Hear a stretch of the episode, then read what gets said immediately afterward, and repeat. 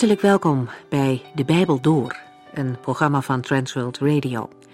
De Bijbel Door is een radioserie die u in vijf jaar meeneemt door de hele Bijbel. Van Genesis 1 tot Openbaring 22.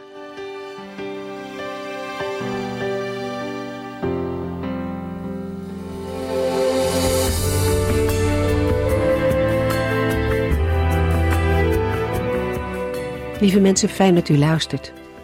U kunt vandaag met ons meelezen in Hebreeën 11, een hoofdstuk over allerlei verschillende mensen die in verschillende situaties en tijden op God vertrouwden.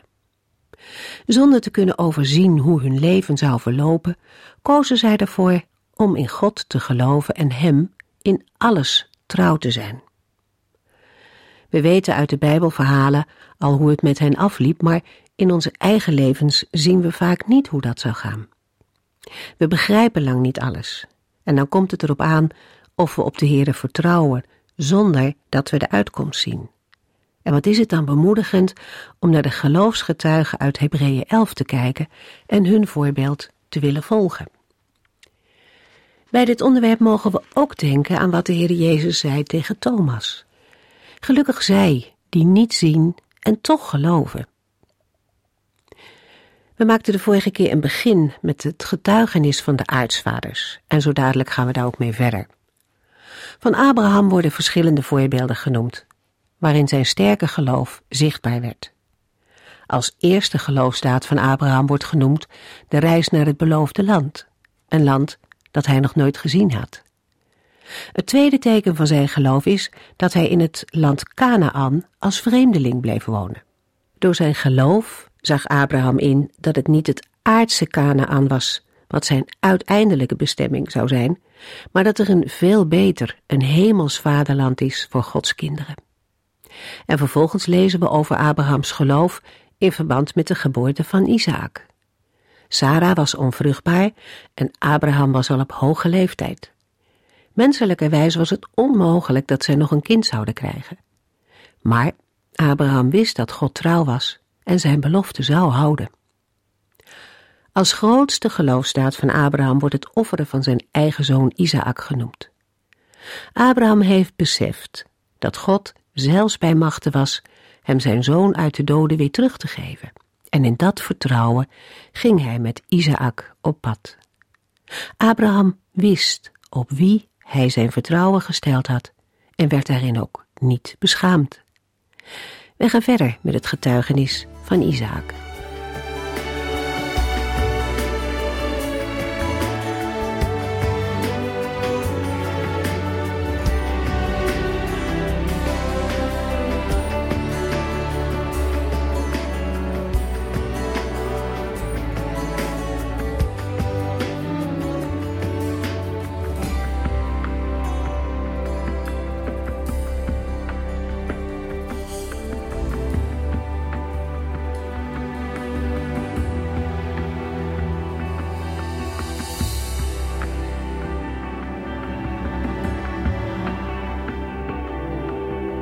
We vervolgen de uitzending over de geloofsgetuigen in Hebreeën met Isaac.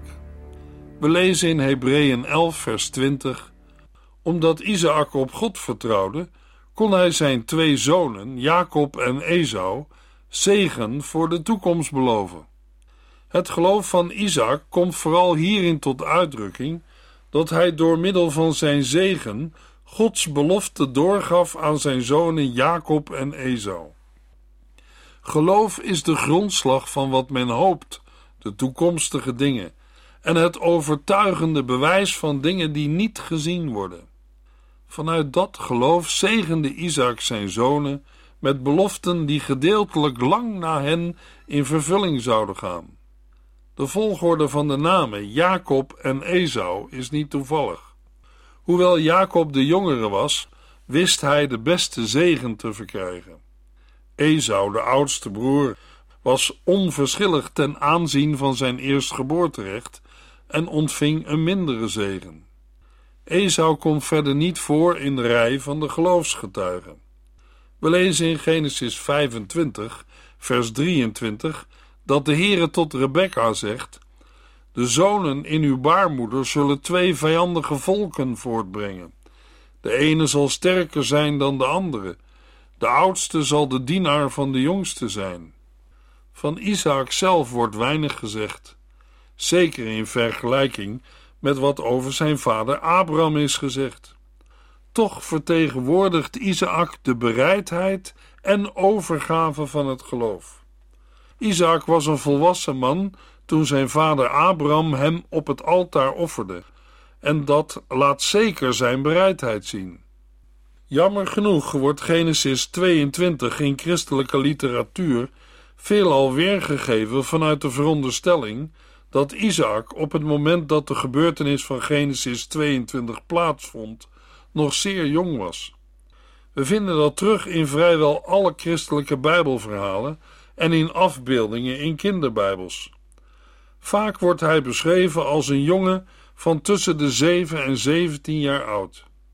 Maar Joodse afbeeldingen van dezelfde passage zien er volstrekt anders uit. Abraham wordt daarin afgebeeld als een oude man.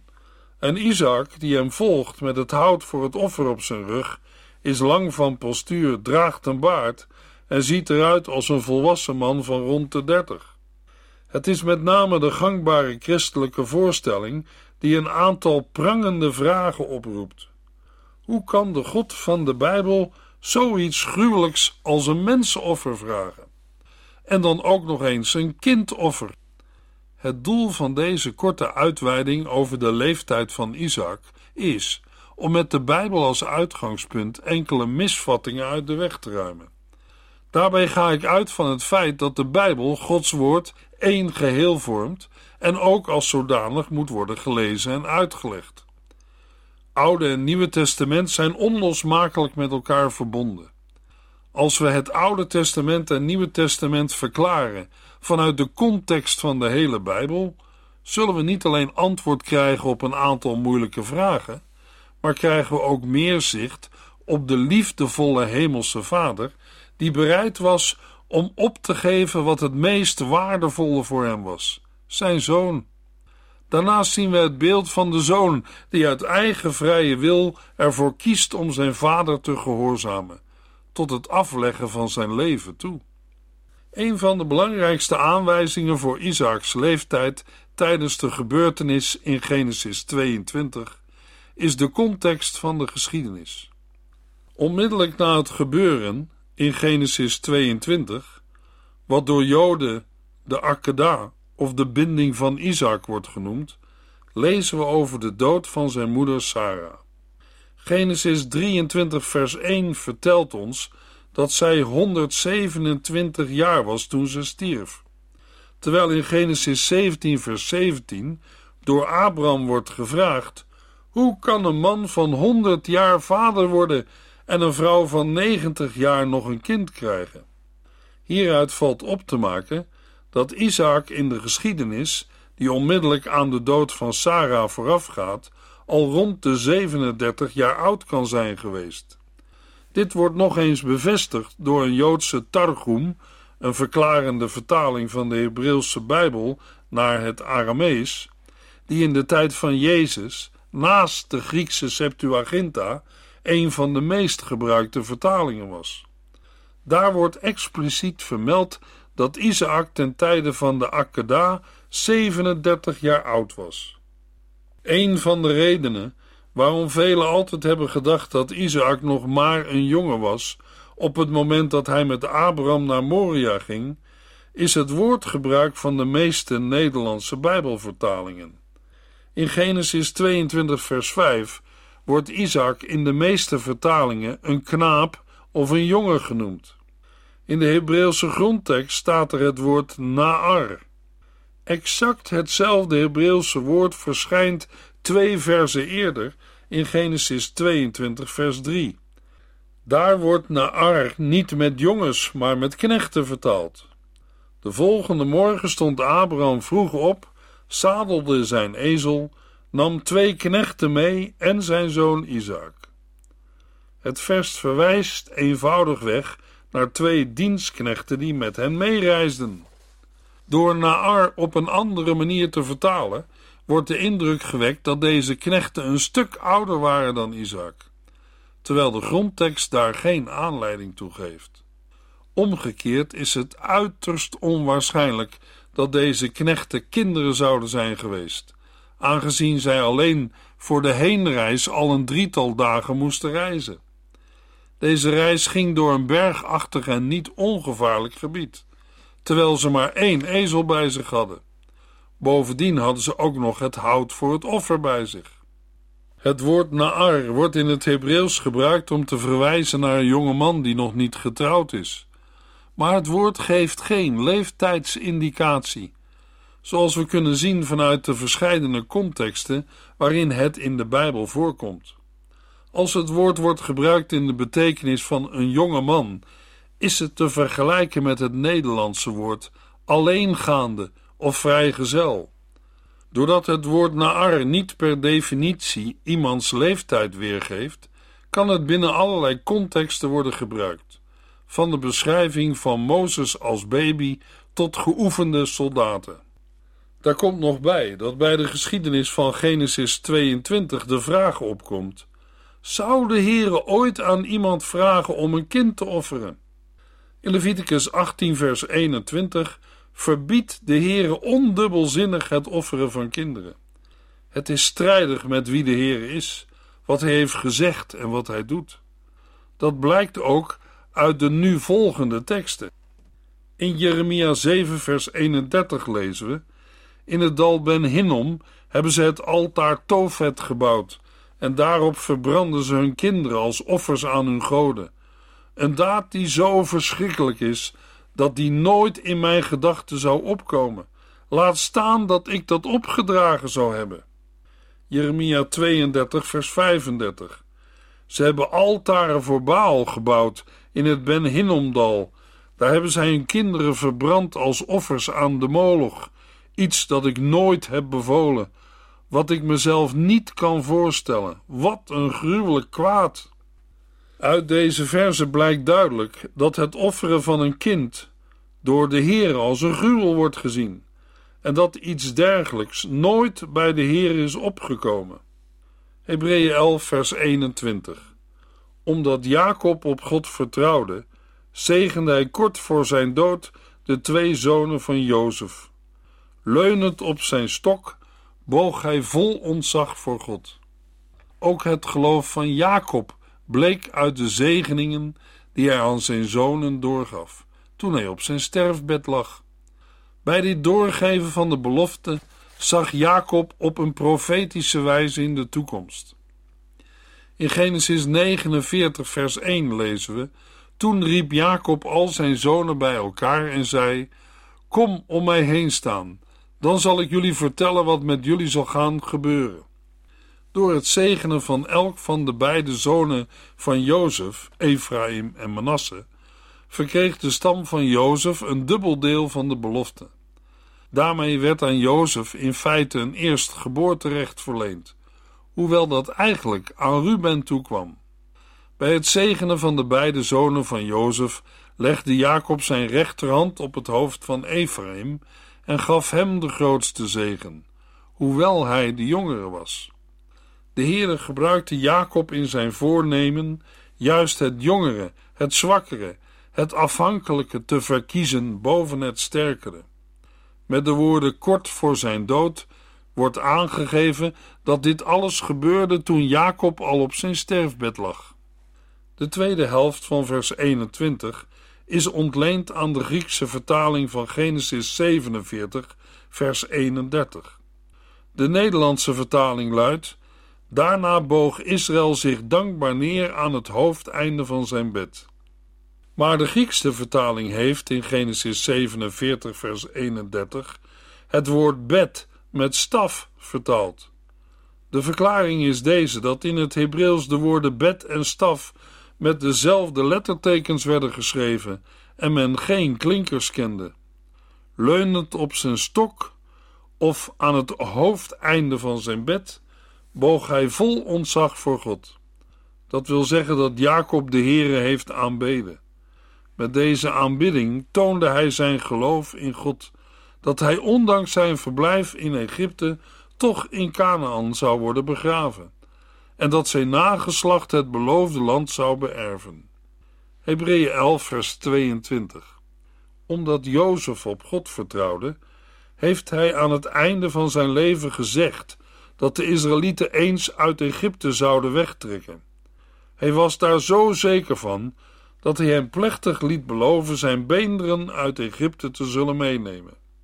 Hoewel Jozef in Egypte tot grote macht en tot groot aanzien was gekomen, wist ook hij dat hij zijn uiteindelijke bestemming niet had bereikt. Zijn geloof bleek onder andere doordat hij rekende op de toekomstige uittocht van zijn verwanten uit Egypte naar het beloofde land Canaan. Deze uittocht had de Heere al aan Abraham voorzegd. Zo zeker was het vertrouwen van Jozef op het in vervulling gaan van deze belofte, dat hij zijn verwanten liet zweren om zijn gebeente mee te nemen naar Canaan en het daar te begraven, hetgeen ook inderdaad is gebeurd. Deze bijzondere zorg voor het lichaam of de beenderen moeten we zien als een symbool van hoop. De begrafenis in het beloofde land is een teken dat Jozef geloof had om deel te krijgen aan het betere hemelse vaderland en aan een betere opstanding. Groot is het contrast met de ongelovige Israëlieten, die in de woestijn moesten sterven en daar bleven liggen, als een teken van het nooit mogen ingaan in de beloofde rust en vrede. Hebreeën 11, vers 23. Omdat de ouders van Mozes op God vertrouwden, hebben zij een kind dat heel bijzonder was, drie maanden lang verborgen gehouden. Zij trokken zich niets aan van het bevel van de farao dat alle pasgeboren jongetjes verdronken moesten worden. De geschiedenis van de uittocht is nauw verbonden met de persoon van Mozes. Daarom is hij de volgende geloofsgetuige. Het persoonlijke geloof van Mozes werd als het ware al voorbereid door het geloof van zijn ouders. Het bevel van de Egyptische farao was dat alle pasgeboren Hebreeuwse jongetjes in de Nijl moesten worden gegooid. Dit om een verdere bevolkingstoename van de Hebreeën te voorkomen. Maar de ouders van Mozes vertrouwden zo op de bescherming van de Heere dat zij hun kind drie maanden lang verborgen hielden. Als reden voor het verbergen van Mozes noemt Exodus 2 vers 2 Zijn moeder zag dat het een mooie baby was en daarom verborg ze hem drie maanden lang in haar huis. Handelingen 7 vers 20 voegt eraan toe dat Mozes in Gods ogen een mooi kind was. De ouders van Mozes moeten in zijn schoonheid een teken van een speciale verkiezing door de Heer hebben gezien, op grond waarvan zij het bevel van de farao negeerden, totdat het niet langer kon. Hun geloof en vertrouwen op God waren sterker dan de schrik voor de straf van de farao. Hebreeën 11, vers 24. Omdat Mozes op God vertrouwde, wilde hij, toen hij volwassen was geworden, niet voor een zoon van de dochter van de farao worden aangezien. Mozes' eigen geloof bleek voor het eerst toen hij weigerde nog langer voor een zoon van de Egyptische prinses door te gaan. De woorden toen hij volwassen was geworden zijn direct ontleend aan de Griekse vertaling van Exodus 2, vers 11. Het vervolg, toen hij volwassen was geworden, wilde hij niet voor een zoon van de dochter van de farao worden aangezien, vinden we niet in het Oude Testament. Maar uit het feit dat de aandacht van Mozes uitging naar de erbarmelijke omstandigheden waaronder zijn volk moest leven, kunnen we afleiden dat hij zijn adoptie door de dochter van de farao afwees. Dat gebeurde toen hij volwassen was geworden. En op grond van Handelingen 7, vers 23 was Mozes toen 40 jaar oud. Mozes wilde niet langer voor een zoon van de dochter van de farao worden aangezien. Daarbij kunnen we denken aan het moment dat hij zijn Hebreeuwse broeders ging opzoeken, of het moment waarop hij een Egyptische opzichter doodsloeg en zich daarmee gelijkstelde met de onderdrukte Hebreeën. Hebreeën 11, vers 25. Hij wilde liever met het volk van God slecht behandeld worden dan tijdelijk genieten van de zonde. Wanneer Mozes voor een zoon van een Egyptische prinses was blijven doorgaan, had hij kunnen genieten van een leven vol luxe, weelde en zonde. Maar dat leven had met de dood een einde gekregen. Zich te identificeren met zijn volksgenoten betekende voor Mozes dat hij moest delen in het onrecht en de onderdrukking die hun werd aangedaan, maar ook dat hij met hen zou delen in de eeuwige beloften van de Heer God. Door het geloof in deze beloften verkoos Mozes het laatste. Het volk Israël wordt hier met opzet het volk van God genoemd. Afzondering van dat volk betekende dan ook afscheiding van de Heere. Om die reden wordt het leven als een Egyptenaar ook gekarakteriseerd als een tijdelijk genieten van de zonde, dat wil zeggen, een leven buiten God. Hebreeën 11, vers 26. Hij vond het lijden voor Christus meer waard dan al de rijkdom van Egypte, want hij verwachtte dat God hem daarvoor zou belonen. De schrijver van Hebreeën legt nu uit waarom Mozes verkoos met zijn volksgenoten slecht behandeld te worden. Want hij verwachtte dat God hem daarvoor zou belonen. Opnieuw grijpt de schrijver terug naar zijn definitie van geloof in vers 1. Geloof is het overtuigd zijn van het bestaan van dingen die je niet ziet. Door het geloof kon Mozes deze beloning als het ware al zien. Zowel in de Griekse tekst van vers 1 als in vers 26 worden vormen van het werkwoord zien gebruikt. De woorden maken duidelijk dat Mozes de blik niet richtte op de rijkdom van Egypte, maar op de te verwachte beloning van de Heer. De uitdrukking het lijden voor Christus herinnert aan Psalm 89.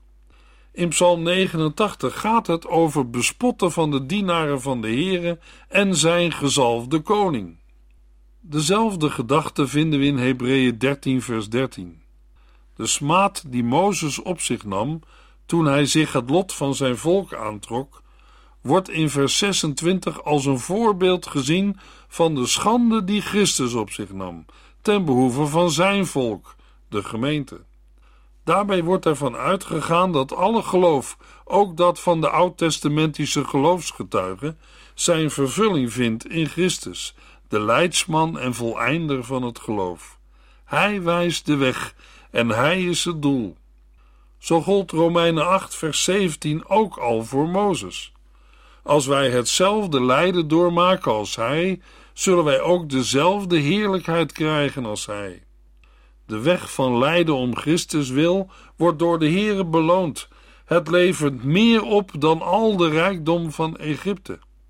De inhoud van deze beloning is het ontvangen van de belofte, het hemelse vaderland, de eeuwige erfenis, het eeuwige leven. Hebreeën 11, vers 27. In dat vertrouwen verliet hij Egypte en was hij niet bang voor de woede van de farao.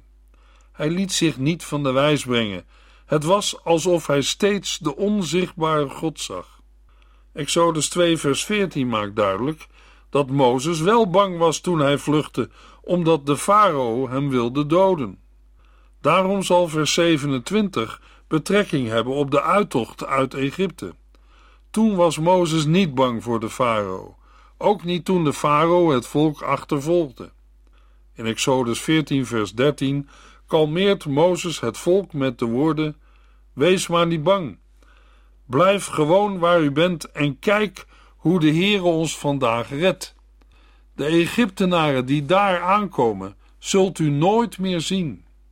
Opnieuw brengt de schrijver van Hebreeën het geloof in verband met het overtuigd bewijs van onzichtbare dingen. Hebreeën 11, vers 28. Omdat hij op God vertrouwde, zei Mozes tegen de Israëlieten dat ze een lam moesten slachten en het bloed ervan op de deurposten van hun huizen moesten strijken. Dan zou de doodsengel hun oudste kinderen niet doden, maar alleen die van de Egyptenaren. Door het geloof voerde Mozes het paascha uit zoals de Heer het hem had bevolen, opdat de doodsengel of verderver, die hij nog niet had gezien, niet ook de eerstgeborene van Israël zou doden. Het paascha is een teken van het kruisoffer van Christus, waardoor de gelovigen worden bevrijd uit de slavernij van de angst voor de dood. De doodsengel of verderver is een benaming voor een engel van de Heere die macht heeft dood en verderf te brengen. Dit verderf is in de regel een oordeel over Gods vijanden. Daarnaast kent het Nieuwe Testament ook engelen van de Satan, die het vooral op de gelovigen gemunt hebben. Hebreeën 11, vers 29. Omdat de Israëlieten op God vertrouwden, zijn zij door de Rode Zee getrokken, als over droog land. Maar de Egyptenaren die hen achterna gingen, verdronken allemaal. Hoewel het geloof van het volk pas genoemd wordt in Exodus 14, na de doortocht door de Rode Zee, moeten zij toch een zekere mate van geloof hebben gehad om Mozes door de zee heen te volgen. Zowel in letterlijke als in figuurlijke zin volgden zij Mozes na in het geloof. De Egyptenaren, die de Israëlieten achtervolgden over de smalle strook land, werden door het terugvloeiende water opgeslokt. Bij hen was er geen sprake van geloof, maar van menselijke overmoed. Hebreeën 11, vers 30. Omdat de Israëlieten op God vertrouwden, liepen zij zeven dagen om Jericho heen, en toen stortten de muren van de stad in. De periode dat Israël verbleef in de woestijn werd gekenmerkt door ongeloof en ongehoorzaamheid. Daarom heeft de schrijver van Hebreeën uit deze periode ook geen voorbeeld van geloof. Pas bij de definitieve intocht in het beloofde land onder Jozua is er weer sprake van geloof. Dit geloof bleek doordat de Israëlieten het bevel van de Heere uitvoerden. De omtrekkende beweging moet in de ogen van de verdedigers van de stad beslist zinloos en belachelijk zijn overgekomen. Maar op de zevende dag stortten de muren van de stad in. Nadat het volk er zevenmaal omheen was getrokken en begon te juichen bij het geluid van de ramshoorn. Luisteraar, op wie vertrouwen wij? In de volgende uitzending lezen we Hebreeën 11, vers 31 tot en met 34.